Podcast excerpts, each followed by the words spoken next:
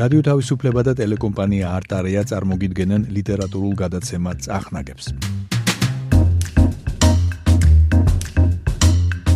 გადაცემის ავტორი და წამყვანი ლევან ბერძენიშვილი ისაუბრებს ციგნებზე, წერალთა ურთიერთობებზე, ლიტერატურულ პრემიებზე, ლიტერატურისა და დროის კავშირზე.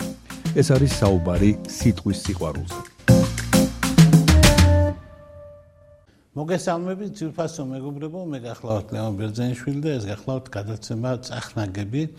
ამ ლიტერატურულ გადაცემაში ჩვენ გვაქვს რუბრიკები, დღეს იმოქმედებს უკვე ტრადიციულად ცეული რუბრიკა პარალელი და გვექნება პარალელი ორ გენიოს შორის ჩვენს გენიოს და მეზობელ გენიოს შორის რუსთაველსა და ნიზამი განჯევს შორის საერთოდ მინდა გითხრათ ასეთი უცნაურობა რომ ქრისტიანობა რა თქმა უნდა უზარმაზარი სიკეთე იყო ევროპისთვის და საქართველოსთვის. პირველი სკოლისა იმიტომ ესა განათლებული რელიგია რომელსაც შეაქვს ამბანი, ციგნიერება, ციგნი, სახარება. ну მე ქრისტეს მოძღვრება ბუნებრივია უზარმაზარი ახლა ძნელია მისი შეფასება და გადაფასებაც. კი მაგრამ მას ჰქონდა თავისებურება იმიტომ რომ როგორც ყველა რელიგიამ წინა რელიგიას გამოუცხადა ომი და წინა რელიგიას მაგალითად საბერძნეთში აღმოაჩნდა უზარმაზარი მემკვიდრეობა მაგალითად რომში აღმოჩნდა უზარმაზარი მემკვიდრეობა და ამ ბრძოლას პირველ საუკუნეებში, პირველ მეორე მესამე მეოთხე და ასე შემდეგ საუკუნეებში აშკარად შეეწირა ლიტერატურა და აღარ იქმნებოდა დიდი შედევრები. რა თქმა უნდა, იქმნებოდა მშვენიერი რელიგიური ძეგლები, მაგრამ სოფლიო შედევრები არა. ამიტომ ძალიან მნიშვნელოვანი არის შევხედოთ კარგად სოფლიოს გადავხედოთ, სად რა მოხდა და სად დაიწერა პირველი დიდი შედევრი, მას შემდეგ რაც ვერგილიუსმა დახუჭა თვალი ძველი წეთარის 18 წელს ბლინდესიში, ბლინდესიუმში. როდესაც ენეიდა გამოქვეყნა, იმის მერე საუკუნეები გავიდა და ევროპულ ლიტერატურაში, და მეტიც სოფლიო ლიტერატურაში არაფერი ამის მაგვარი, ამ დონის, ამ გაქანების აღარ დაწერილა და პირველი დიდი ციგნი სოფლიო ლიტერატურაში ანტიკურობის შემდეგ დაიწერა ირანში არ არის გასაკვირი ეს გახლავთ უმაღლესი კულტურის ქვეყანა დღესაც მიუხედავად იმისა კარგად ვიცით რა პოლიტიკური და სოციალური პრობლემებია მაგრამ კულტურასთან დაკავშირებით ისევ ის არის ისევ ძალიან მაღალი კულტურა საერთოდ ძალიან მაღალია განათლების ცენზიც და საერთოდ კარგი ხალხია უბრალოდ ძალიან რთული ხელისუფლება ყავთ და თვითონაც ხანდახან არის ვერ იქცევიან სათანადოდ. აი ირანში საფექში დაიბადა რამდენიმე დიდი პოეტი ჩვეულებრივ როცა ამბობენ ბევრს ბევრი გონია ძალიან და შეიძლება 20 და 30 კაცი დასახელდეს მაგრამ ეპოსში ორი კაცი არის განსაკუთრებით დიდი ეს გახლავთ რა თქმა უნდა უზარმაზარი პოეტი ნიზამი განჯევი და ეს გახლავთ უზარმაზარი პოეტი ფირდოუსი. აი ლირიკულ რომანტიკულ ეპოსში შეიძლება ითქვას ნიზამი განჯევს არ აყავს მეტოქე და პირველი დიდი ციგნები ვერგილიუსის მერე სოფლიოს აჩუკას სწორედ ამ ავტორმა და ჩვენ ამადგან ამ ხამსედან ანუ ხუთ ციგნეულიდან სხვა ჩვენის რა უცნაურია რომ არა მარტო ამ წერილს არა ხშირია შემთხვევა ხუთ ციგნეულებისა მაგალითად დოსტოევსკის აქვს დაწერილი ხუთ ციგნეული თვითონ კი წერდა და წერდა წიგნეს, მაგრამ ხუთი შეუკრიბეს. მადლიერ მასშტაბებმა და თქვენს ეს ხუთია ყველაზე მაგარიო. და ნუ ეგულისხმება რა თქმა უნდა იდიოტი, დანაშაული და სასჯელი, ეშმაკნი, მაწვილი და ძმები კარამაზოვი. აი ასევე ნიზამი განჯევს აქ ხუთ ციგნეული, რომელშიც შედის ისკანდერია და ანუ ისკანდერის ანუ ალექსანდრე მაკედონელის ამბები უწყინვალესი საინტერესო პოემა, რომელშიც შედის ხოსროვი და შირინი, ძალიან რთული აგებულების პოემა, რომელშიც შედის ლამაზმანები და რომელშიც უპირველეს ყოვლისა შედის ლეილი და მეჯნუნი. ლეილი და მეჯნუნი ფიგურალურად რო ვთქვა, არის სოფლიოს პირველი პასუხი იმაზე, რომ არ არის დიდი ციგნები. ანუ პირველი დიდი ციგნი ენეიდის შემდეგ, საუკუნეების შემდეგ. რაც შეეხება სხვა პირველო პირველი გენიალური და დიდი ციგნი ქრისტიანულ სამყაროში დაწერა რუსთაველმა.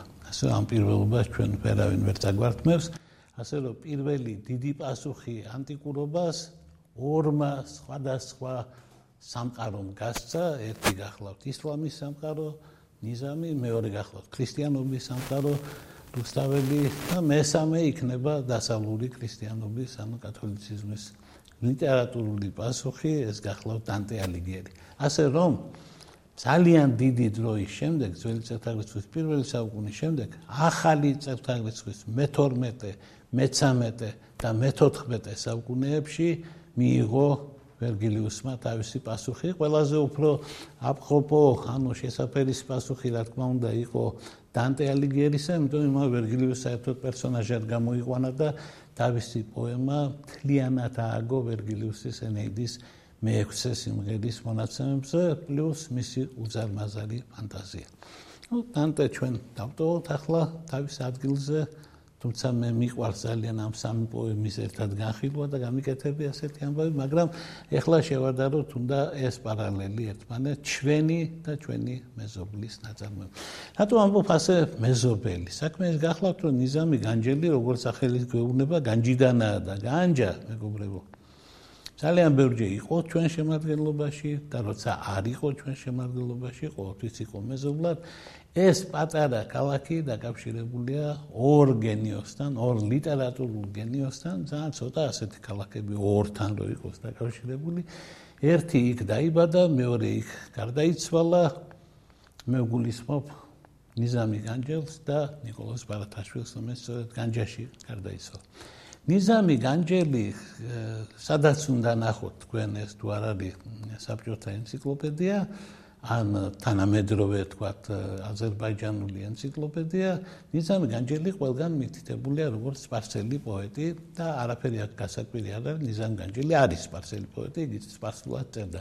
მაგრამ იგი წარმოშობით არ იყო სპარსი. მამამისი სავარაუდოდ იყო თურანული წარმომავლობისა თურქი ან თუ გნებავთ აზერბაიჯანელი ხოლო დედა იყო იმ უზარმაზარი ასირიის შტამომავალი რომელსაც დღეს ერთდროულად წარმოადგენენ ასირიელები და ქურთი. აი ნიზამი განჯელი არის წვეთი სისხლის არ არის მასში სპარსული ასე ვთქვათ, ისე ჩანს მისი მშობლების მიხედვით. ეს განსაკუთრებით თქვი გალაქტიონის რო ნათქვამი რომ წვეთი სისხლის არ არის ჩემში არა ქართული წვეთი ნერვის არ არის ჩემში არა პოეტისო აი წვეთი ნერვის არ არის ჩემში არა პოეტის შეიძლება ნიზამისას ერქვა მაგრამ იმ პირველს ვერ დაიტრაბახებ და თუმცა galaktionსაც ბებია აფხაზი ყავდა, ასე რომ არ ვიცი შეიძლება აფხაზები ქართველებად მიაჩნდა. როცა ამას ამბობდა, მაგრამ ეს არ არის ერთადერთი პოეტური ლიცენზია და ტყუილი მას რომ უთქვამს. ეს დიდო სტატია არის მაქსაკის. რუსთაველი და ნიზამი მეზობლები არიან. არ გამოვრიცხოთ რომ ნიზამის თბილისში ნამყოფია და ყველაფერი, იმიტომ რომ ეს ძალიან ახლოსაა. არ გამურიცხოთ რომ ჩვენი მოქალაქეც იყო რაღაც მომენტში ამას ვერაფერს ვერ გამურიცხავთ მაგრამ ცოტათაც ის მაგრამ მოდი ვთქვა პირდაპირ. განურჩევლად იმისა სადაური არის იგი იგი რა თქმა უნდა არის სპარსული პოეზიის უზარმაზარი წარმოადგენს და ამ პოემაში მან რომელიც მან სხვა ჩვენ დაწერა შეკვეთით. ესე იგი პირველი მსგავსება სახეზეა. ვეფხისტყაოსანის და ეს ნაწარმოებიც ლეილ და მაჯნუნი დაწერილი არის შეკვეთი. მიუხედავად იმისა, რომ შეკვეთითა დაწერილი ორივე არის გენიალური, აი კიდევ ერთი მსგავსება. მესამე მსგავსება გახლავთ ის, რომ ნიზამი განჯელმა აიღო არასპარსული ამბავი, არამედ აიღო არაბული ამბავი და გაასპარსულა. ანუ გამეორდა ის სიტუაცია, როცა ესე ამბავი სპარსული ქართულად ნათარგმანები თქვა რუსთაველმა, ასევე ამბობს ნიზამი, რომ ესე ამბავი არაბული სპარსულად ნათარგმანებია. კიდევ ერთი მსგავსება. მაგრამ მსგავსებები აქ არ ჩერდება. მე გეტყვით ახლა ერთ უცნაურობას. თქვენ იცით, რომ არსებობს ასეთი უზარმაზარი რუსი მეცნიერი ალექსანდრ პროპი, რომელიც ზღაპრის სტრუქტურა შეისწავლა, რომელიც შესანიშნავად შეისწავლა კარნავალის და ასე შემდეგ ბევრი ამის სტრუქტურა და რომელმაც ისე როგორც ნუ ამ საკითხებზე სწორების მუშაობდნენ ბუნებრივი ადრესებში ბახტინი მაგალითად, მაგრამ ამან შეისწავლა ფუნქციონალურად, სხაპრის სტრუქტურა და მოგცა აღწერის თავისებური ხერხები და ერთ-ერთი ხერხით რო აღწეროთ მაგალითად ლეილი და მეჯნუნი, გვექნება ასეთი რამ. ახალგაზრდა კაცმა მაწვილმა ბავშვმა ფაქტობრივად მაწვილი ქალი დაინახა და გული წავიდა. ახალგაზრდა კაცი არ აღმოჩნდა მარტო ამ სიყვარულში და მაწვილმა ქალმა და ახალგაზრდა კაცმა ერთმანეთი შეიყვარეს. ამის შემდეგ ბევრი რამ მოხდა და ქალი გადამალეს და ახალგაზრდა კაცმა იგი ვეღარ ნახა. ქალი რომ დაეკარგა, ამის შემდეგ მაწვილი კაცი გაიჭრა ტყეში და იცხოვრა ვეფხვებთან, ლომებთან და ასე შემდეგ. ამის შემდეგ მას გამოუჩნდა მეგობარი, რომელიც მას დაეხმარა ქალის ოპოვებაში და შეახვედრა ეს ქალი. ეხლა თუ თქვენ მეტყვით რომ მე ვეფხისტყაოსანს არ ვყვები, რა თქმა უნდა მე გამიკვირდება, მაგრამ თუ მეტყვით რომ ვყვები, მე გეტყვით რომ თქვენ მართალი არ ახართ. მე ვყვები ნიზამი განჯელის გენიალურ პოემას რომელსაც ქვია ლეილი და მაჯნუნი. ისე მსგავსება როგორც ხედავთ სიუჟეტში დიდია. დიდია მსგავსება. ასაკუთრებით მეგობრის გამოჩენა, მისი დახმარება და სხვა ტყეში გაჭრა და სხვა უამრავი მოტივი არის და რა თქმა უნდა, რა თქმა უნდა, რუსთაველს წაკითხული აქვს ლეილი და მაჯნუნი, თუმცა არ არის მისი მოსწავლე. ის მისი მეტოქე უფრო არის, მაგრამ მსგავსება სახეზეა. რაშია საქმე? ჯერ დავიწყოთ სათაურით. იმიტომ რომ გაგიკვირდება და ვეფხის ტყაოსანი და ლეილი და მაჯნუნი ასევე სათაურები გავს ერთმანეთს. და ძალიან უცნაურად გავს ერთმანეთს. ჯერ ტერმინზე შევთანხმდეთ. ტერმინი არის მაჯნუნი, ასე თარგმნა ეს ტერმინი მაგალითად, რომლის თარგმანი გვაქვს ქართულად ლეილი და მაჯნუნი. შეიძლება ყოფილიყო მეჯნუნი, შეიძლება ყოფილიყო მიჯნური, როგორც ფხისტყაოსანშია. საქმე ის არის, რომ არაბული სიტყვა სპარსულში შესული, იქიდან ქართულში შემოსული და გასაგებია, რომ ხან მეჯნუნი იქნებოდა, ხან მაჯნუნი და მე რომ მეჯნური, ან მიჯნური წამოწდეს, არ გეწკნოთ, მას სწორ ფორმად მივიჩნიოთ მაჯნუნი. სათაური არის ლეილი და მაჯნუნი. ვინ არის მაჯნუნი? მაჯნუნი ადამიანია, რომელსაც სახელი ქვია. მას ქვია სახელა კაისი.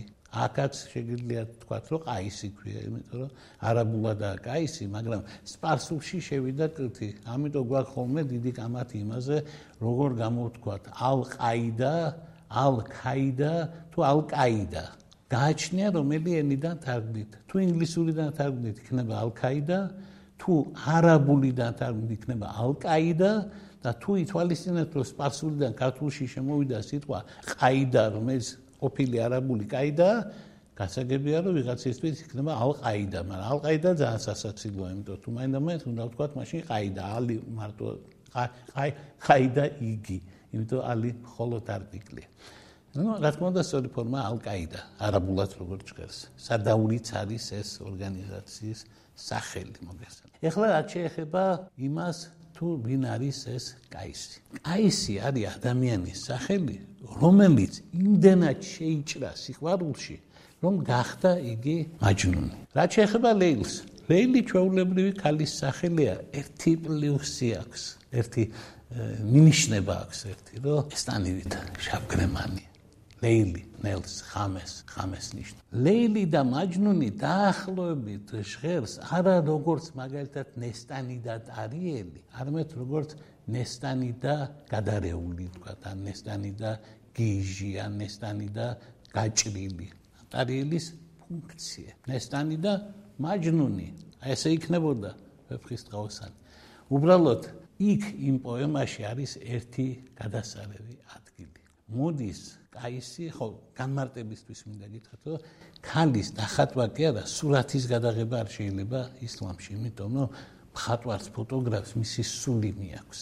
თუ ვინმეს უფრო ღრმა დაინტერესებს შეუძლია აღმოსავლური ლიტერატურაში ჩაიხედოს და თუნდაც აი ნობელის პრემიის ლაურეატ თურქ ავტორს მიაკითხოს იქ მხატვრებს წიგნი აქვს მე ქვია ციტელი და ეგ შეუძლია ეს ნახოს. მოკლედ არ შეიძლება ქალის ნახატვა აბა რა შეიძლება? შეიძლება დაიწელოს მისი სახელი და ვინაიდან ეს არაბული დაწერილობა, რომელსაც სპარსელები სარგებლობენ, არის უამაზესი.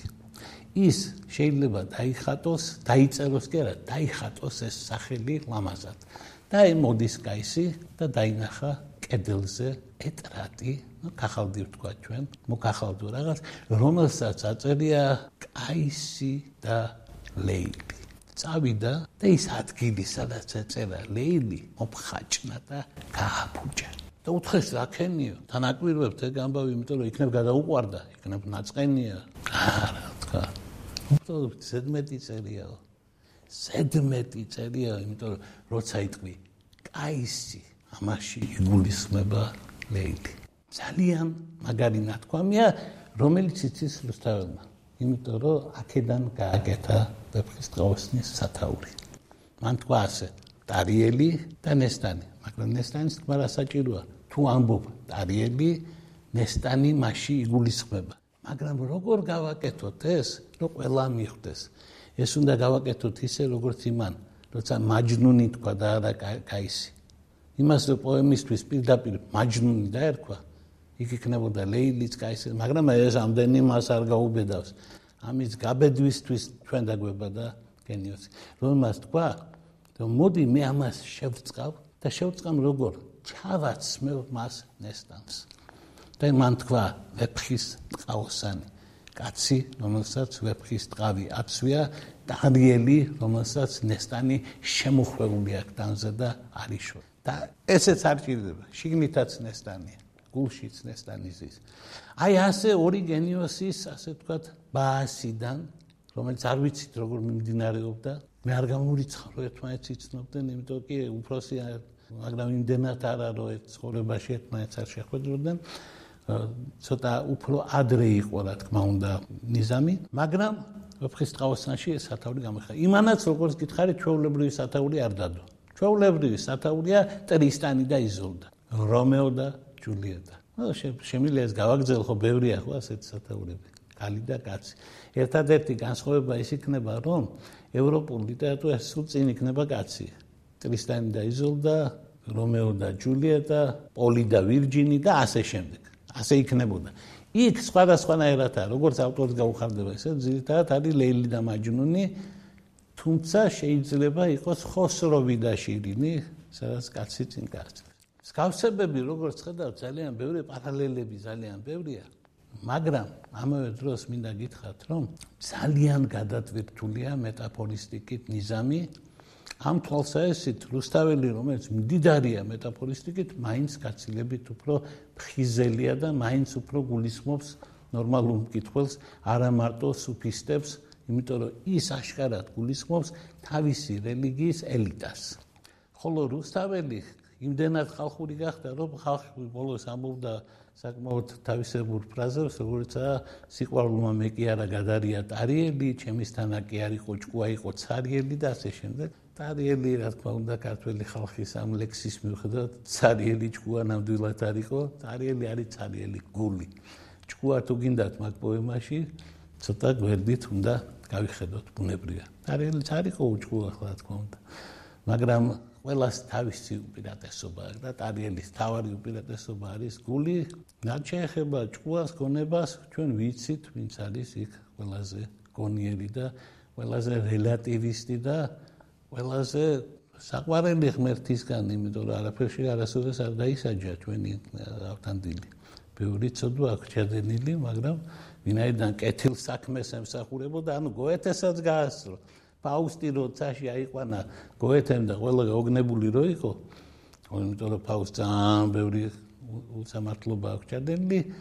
მაგრამ სიკეთეს მოემსახურა უფალმა რო თქვა აი ეს რუსთაველმა იგრძნო რომ ასე უნდა იყოს და ცოტა უფრო ადრე თქვა ეს ამბები ვეფხის ტყავოსანი ერთი რამით მკვეთრად განსხვავდება ნიზამი განჯელისაგან ნიზამი განჯევის პოემა არის ხაზოვანი აი ესე აქედან რომ დაიწყება გაგრძელდება და აი აქ მივა ვეფხის ტყავოსანი მოგეხსენებათ რთული არქიტექტონიკის ნაწარმოებია ნიზამისაც ჰქონდა ხოსროვი და შილინიც ასეთი რთული იყო, მაგრამ ამ პოემას არ გავს და აი რომლებიც ერთმანეთს გავს, იქ არის დიდი განსხვავება. იმიტომ რომ რუსთაველს როგორც ჩანს, ამ გენიოსების კითხვა უყარდა და თუ არ კითხულობდა მათ შემთხვევით. ხო ყველაფერს ვერ ვიტყვი და ვერ იცინასავთ, ვერ ვერ გამჭრეთ ახლა აქედან. მაგრამ უნდა ვთქვათ, რომ კონგენიალურად ემთხოვოდა ხოლმე ვეფხის ტყაოსნის სტრუქტურული აგებულება სიუჟეტის განვითარების და დროის მიმდინარეობის მხრივ ჩვენ უკვე აღწერეთ ერთ პარალელში ეს არის ლუსტაველი და ხომეროსი რუსთაველი და ხომეროსი ერთნაირად წერენ პოემებს. ანუ ისინი იკეწებენ მოქმედებას საერთო მოქმედების, მთელი პოემის მოქმედების რაღაცა შუა წერტილიდან ხომეროსთანაც და რუსთაველთანაც ეს შუა წერტილი უფრო ბოლოსკენაა გადაწეული ვიდრე თავისკენ და შემდეგ ამ წერტილიდან ისინი ან ბრუნდებიან თავში როგორც ეს გააკეთა ჰომეროსმა ოდისეაში, როცა უკვე გამოცდილი ავტორი იყო, ან ფლეშბეკებით გადადიან წარსულში მოგონებებით გადახდებიან წარსულში. მაგრამ შემდეგ წარსულში რო გადადიან, ისევ მიდიან იმ წერტილამდე და იქიდან მერე გრძელდება პოემა. ვეფხის ტყავასანში ის წერტილი, საიდანაც პოემა იწყება, არის მონადირეებისგან დაბნედილი ავთანდილის პოვნა. თინათინის გამეფება და ავთან ტარიელის პოვნა. ამის შემდეგ ტარიელი გადააგდებს მოქმედებას წარსულში და ინდოეთის სამეფოზე, მეშვიდე მამამისის სამეფოზე, თავის სიყვარულზე და ამ შემდეგ. და მოვა ამ წერტილამდე, როდესაც იგი ავთანდილმა იპოვა. ანუ ვეფხისტყაოსანში მოქმედება ასე მიმდინარეობს, აწერტილში იწყება ესა მისი პოვნა ბეწერტილში ჩერდება ესა ავთანდილისგან ტარიელის პოვნა ბეწერტილიდან გადადის ცეთ საწყის წერტილში საიდანაც დაიწყებს თხრობას წამოა წამოა წამოა გამოივლის ყველას მათ შორის ადა ბეწერტილთან ისე მოვა და აქიდან გაგრძელდება ბოლომდე ანუ რომელიღაც დეწერტილან ზუსტად ასე არის ოდისეაში უბრალოდ ოდისეაში ერთი ეპიზოდი ორმაგი ხაზით მიდის არა მარტო იქიდან დაბრუნდება მოქმედება საიდანაც მას დააბრუნებს ასე ვთქვათ ოდისევსი. არამედ მოქმედება უკან დაბრუნდება იქიდანაც სადაც იგი მიიყვანა მისმა შვილმა ტელემაქოსმა. ეს გართულებული ვარიანტი არაფერი მსგავსი ხაზოვანად განვითარებულ პოემაში რომელიც არის ლელი და მაჯნუნი რა თქმა უნდა იქ ასეთი რამ არ არის. სამაგეროთ როგორც გითხარით როგორც აქ გამოუჩნდა ტარიელს ავთანდილი ისე იქ გამოუჩნდა მაჯნუნს მეგობარი რომელმაც ჯერომით სცადა ამ საქმეების მოგვარება და მე მშვიდობით მან მოახერხა და შეახვედა ერთმანეთს და აი ფუნდამენტური განსხვავება. აი განსხვავება, რომლის გამო მე ვამბობ, რომ რუსთაველი არ არის ნიზამის მოსწავლე. ეს არ არის ის შემთხვევა გალაკტიონი, რომ ბარათაშვილის მემკვიდრე არის პირდაპირ. არ, ეს უფრო მეტოქეა, იმიტომ რომ აქ შეედავა ამ ნაწილში შეედავა ნიზამი. რა თქმა უნდა, ვერხისტყაოსნის საკითხვა შეიძლება ნიზამის გარეშე. ხო, მაგრამ ასე ულისეს საკითხვა შეიძლება ჰომეროსის გარეშე. და საერთოდ ქუჩაში სიარული შეიძლება წერაკითხვის გარეშეც. ცოტა ძნელია, იმიტომ ხანდახან წერია ხოლმე რაღაცა, მაგრამ ვიცნობ ხალხს, რომელიც ამას ახერხებს. შეიძლება, რა თქმა უნდა. თუმცა ღარიბდება ძალიან. ვერხისტყაოსან ძალიან დიდდება თუ ვიცით ის პოემა, იმიტომ რომ იმ წუთას ხედავ რაში არის თანხმება. ლილი და მეჯნუნი შეხვდნენ ერთმანეთს და რა ხდება? აი ახლა უნდა შეხვდნენ ერთმანეთს, უნდა მოხდეს ის რაც ხდება ხოლმე ჰომეროსმა თქვა ლამაზად ძალიან აგამემნონმა რომ თავი იმართლა რომ მე ქალისთვის ხელი არ მიხლიო, თქვა ჩვენ შორის არ მომხდარა ის რაც ხდება კაცებსა და ქალებს შორის. ხო აქ არ მოხდა ის რაც ხდება კაცებსა და ქალებს შორის. მაჯნუნმა არ ისურვა ლეილთან ხორციელი კავშირი. ლეილიც მოკდა, მაჯნუნიც მოკდა და გადაეჭდნენ ერთმანეს მკვდრები. აი ამ ადგილს მას მოპარავს, გაძარცვავს თუ კონგენიალურად დაემთხვევა დიდი ფრანგი პოეტი და ფრანგი პროზაიკოსი, საფრანგეთის სიამაყე და თავარი ლიტერატურული პერსონა ვიქტორ ჰიუგო, როდესაც ჩვენ გვაჩვენებს ერთი პატარა და მეორე უცნაური ჩონჩხის ერთმანეთზე გადახლართვას ერთს კისრის ძვალი ჩატეხილი აქვს ჩამოახჭვეს ისე იგი. მეორე სამაგერ ზურგზე აქვს ზარმაზარი გამრუდება კუზი ქონდა ესე იგი და ჩვენს წინაშე მკტვრებად წარმოდგენ ულამაზესი ესმერალდა და თითქმის ადამიანი იმდენად მახინჯი არის კვაზიმოდო და შემოვა სოფლიო ლიტერატურაში ურჩხულისა და ლამაზმანის სიყვარულის ამბავი. ძალიან მაგარი კაცია ჰიუგო, როცა კვაზიმოდოში ჩადო უწყინვალესი სული და მთლიანად გაემიჯნა ანტიკურობას, რომელიც ამურდა მენ სანა ინკორპორე სანა ანუ ანუ ჯანსაღსულში ჯანსაღისულია, კაცი თუ ლამაზიაში ნაგანადაც ლამაზი იქნება, ასე შეაცდინა ეგენი ალკიბიადემ მაგალითად ძალიან ლამაზი იყო, მაგრამ შინაგანად ისეთი არ აღმოჩნდა. ძალიან საინტერესო არის რომ აქ რომ ასე მოხდა ლეილი და მეჯნუნი რო ფიზიკურად ვერ შეხვდნენ ერთმანეთს და მათი შეხვედრა მოხდა მარტო საიქიოში რუსთაველი ამის მომხრე არ არის. ასამოთ ვეფხისტყაოსანი ძალიან გაღარიბდებოდა რო არ იყოს ეს აბსოლუტურად გენიალური პასაჟი სადაც არის ნათქვამი ნახეს მზისა შესაძლებლად განთმოეშვა მთვარე გველსა. ყელი ყელსა გადაეჭდო და მთელი ამბები არის ხო? ყელი ყელსა გადაეჭდო, სხვა ჩვენს ანტიკური სახეა. იმიტომ ადამიანის ყელი კალის ყელს ვერ გადაეჭდობა, წარმოუდგენელია თუ ისინი გედები არ არიან და გედი რომელია და ვინქნა მასე, ეგ ვიცი ძალიან კარგად. ზევსის და ასე ვთქვათ, ჰელენეს დედის შეხვედრა გახლავთ, ზევსისა და ლედას შეხვედრა გახლავთ. ვეფხისტყაოსანში ერთადერთი აჩეგვილია ვთქვათ, აი ამ შეხვედრის შემდეგ არის ქორწინებათა ასე ვთქვათ წება არა მარტო იმიტომ რომ ორი კაცი ქორწინდება არამედ იმიტომ რომ ბევრ ადგილას იხდიან ამ ქორწილეს მოგეხსენებათ ძალიან საინტერესოა რომელსაც დაემთხვა მამის სიკვდილი ეს კიდევ ერთი პარალელია. ავთან ჯერ იქნება ნესაის სიკვდილი დაემთხვა ბოლოს მაგრამ თავიდან თავიდან სიკვდილი ასეთი არის რომ კაისი იმით განსხვავდება ტარიელისგან რომ თავიდან რომ შეუყვარდა ტარიელი რა თქმა უნდა უკვე აღარ იყო თქვაზე მაგრამ რა თქმა უნდა მას ეს არ ეთყობა და მან არ შეუშალა სიყვარულმა ხელი არც იმაში რომ ინდოეთთან ეომა ხატაეთთან ეომა არც იმაში რომ სერიოზული გადაწყვეტილება მიიღო არც იმაში რომ კაცი მოეკლა როცა შეყვარებულმა დააკისრა და დაავალა და ეს იყო გამოსავალი თითქოს იმ გამოუვალი მდგომარეობიდან. ანუ ტარიელი შმაგი და მიჯნური კი არის, მაგრამ გონივრულად იქცევა ყოველ შემთხვევაში შენიშვნას არავისგან არ იღებს, არავინ არ ამბობს, რომ ტარიელი ჭუაზე არ არის. რაც შეეხება მაჯნუნს, მაჯნუნს რატო არ გააყოლეს ლეილი? იმიტომ რომ ლეილის მამამ დაინახა, რომ მაჯნუნი შეყვარებულია იმაზე მეტად, ვიდრე მას ნახავს. ანუ მაჯნუნის სიყვარული მეტაფორის მიღმა გადავიდა. რუსთაველი აქ უფრო ფხიზელია. მაგრამ მაჯნუნი სწორედ ამის გამო დაისაჯა. ვეფხისტყაოსანში ცოტა უფრო მეტი თემა შემოვიდა, რა თქმა უნდა, ამ ორი პოემის შედარების დროს, რომელი იგებს, ამაზე მე არ მკითხოთ, იმიტომ რომ ჩემი პასუხი თქვენთვის წინასწარ ცნობილია. მაგრამ მე არ ვარ თლათ სანდუკაცი, იმიტომ რომ სხვა პოემებთან შედარების დროსაც ჩემი პასუხი არის წინასწარ ცნობილი. ჩემი აზრით, ერთ-ერთი კაცი, ვინც რუსთაველის გვერდით შეიძლება იდგეს, არის ხომეროსი. სხვა ვერავინ მას ვერ უტოლდება. ეს ჩემი აზრია, რა თქმა უნდა. პოემებს გულისხმობ, გულისხმობ დიდ პოემ, დიდ პოემებს გულისხმობ, დიდ ხალხს გულისხმობ.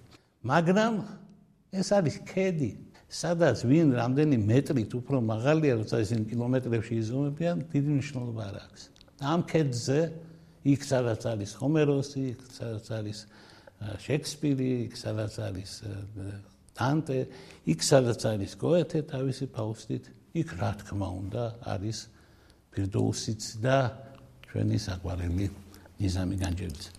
ეს პარალელი ერთ-ერთი ყველაზე ძვირფასი პარალელია და მე დასასრულ მინდა არ დაუკარგო ასე თქვა თავისი წვლილი და ყვაწლი ყველა იმ ქართულ მეცნიერს ვინც ამ პარალელების დანახვა შეძლო ჩემზე გაცილებით ადრე განსაკუთრებული სიტყვით და სიყვარულით მინდა გავიხსენო დიდი მკვლევარი და კარგი პოეტი და ჩემი ახლობელი მიხაილ ქურდიანი, რომელსაც სტატია აქვს დაწერილი იმ ეპიზოდზე, ჩვენ რო ახსენეთ ლეილის ეტრაქტის, ში ლეილის სახელი რომ გააფუჭა გაისმა. დიდი მადლობა ყურადღებისთვის.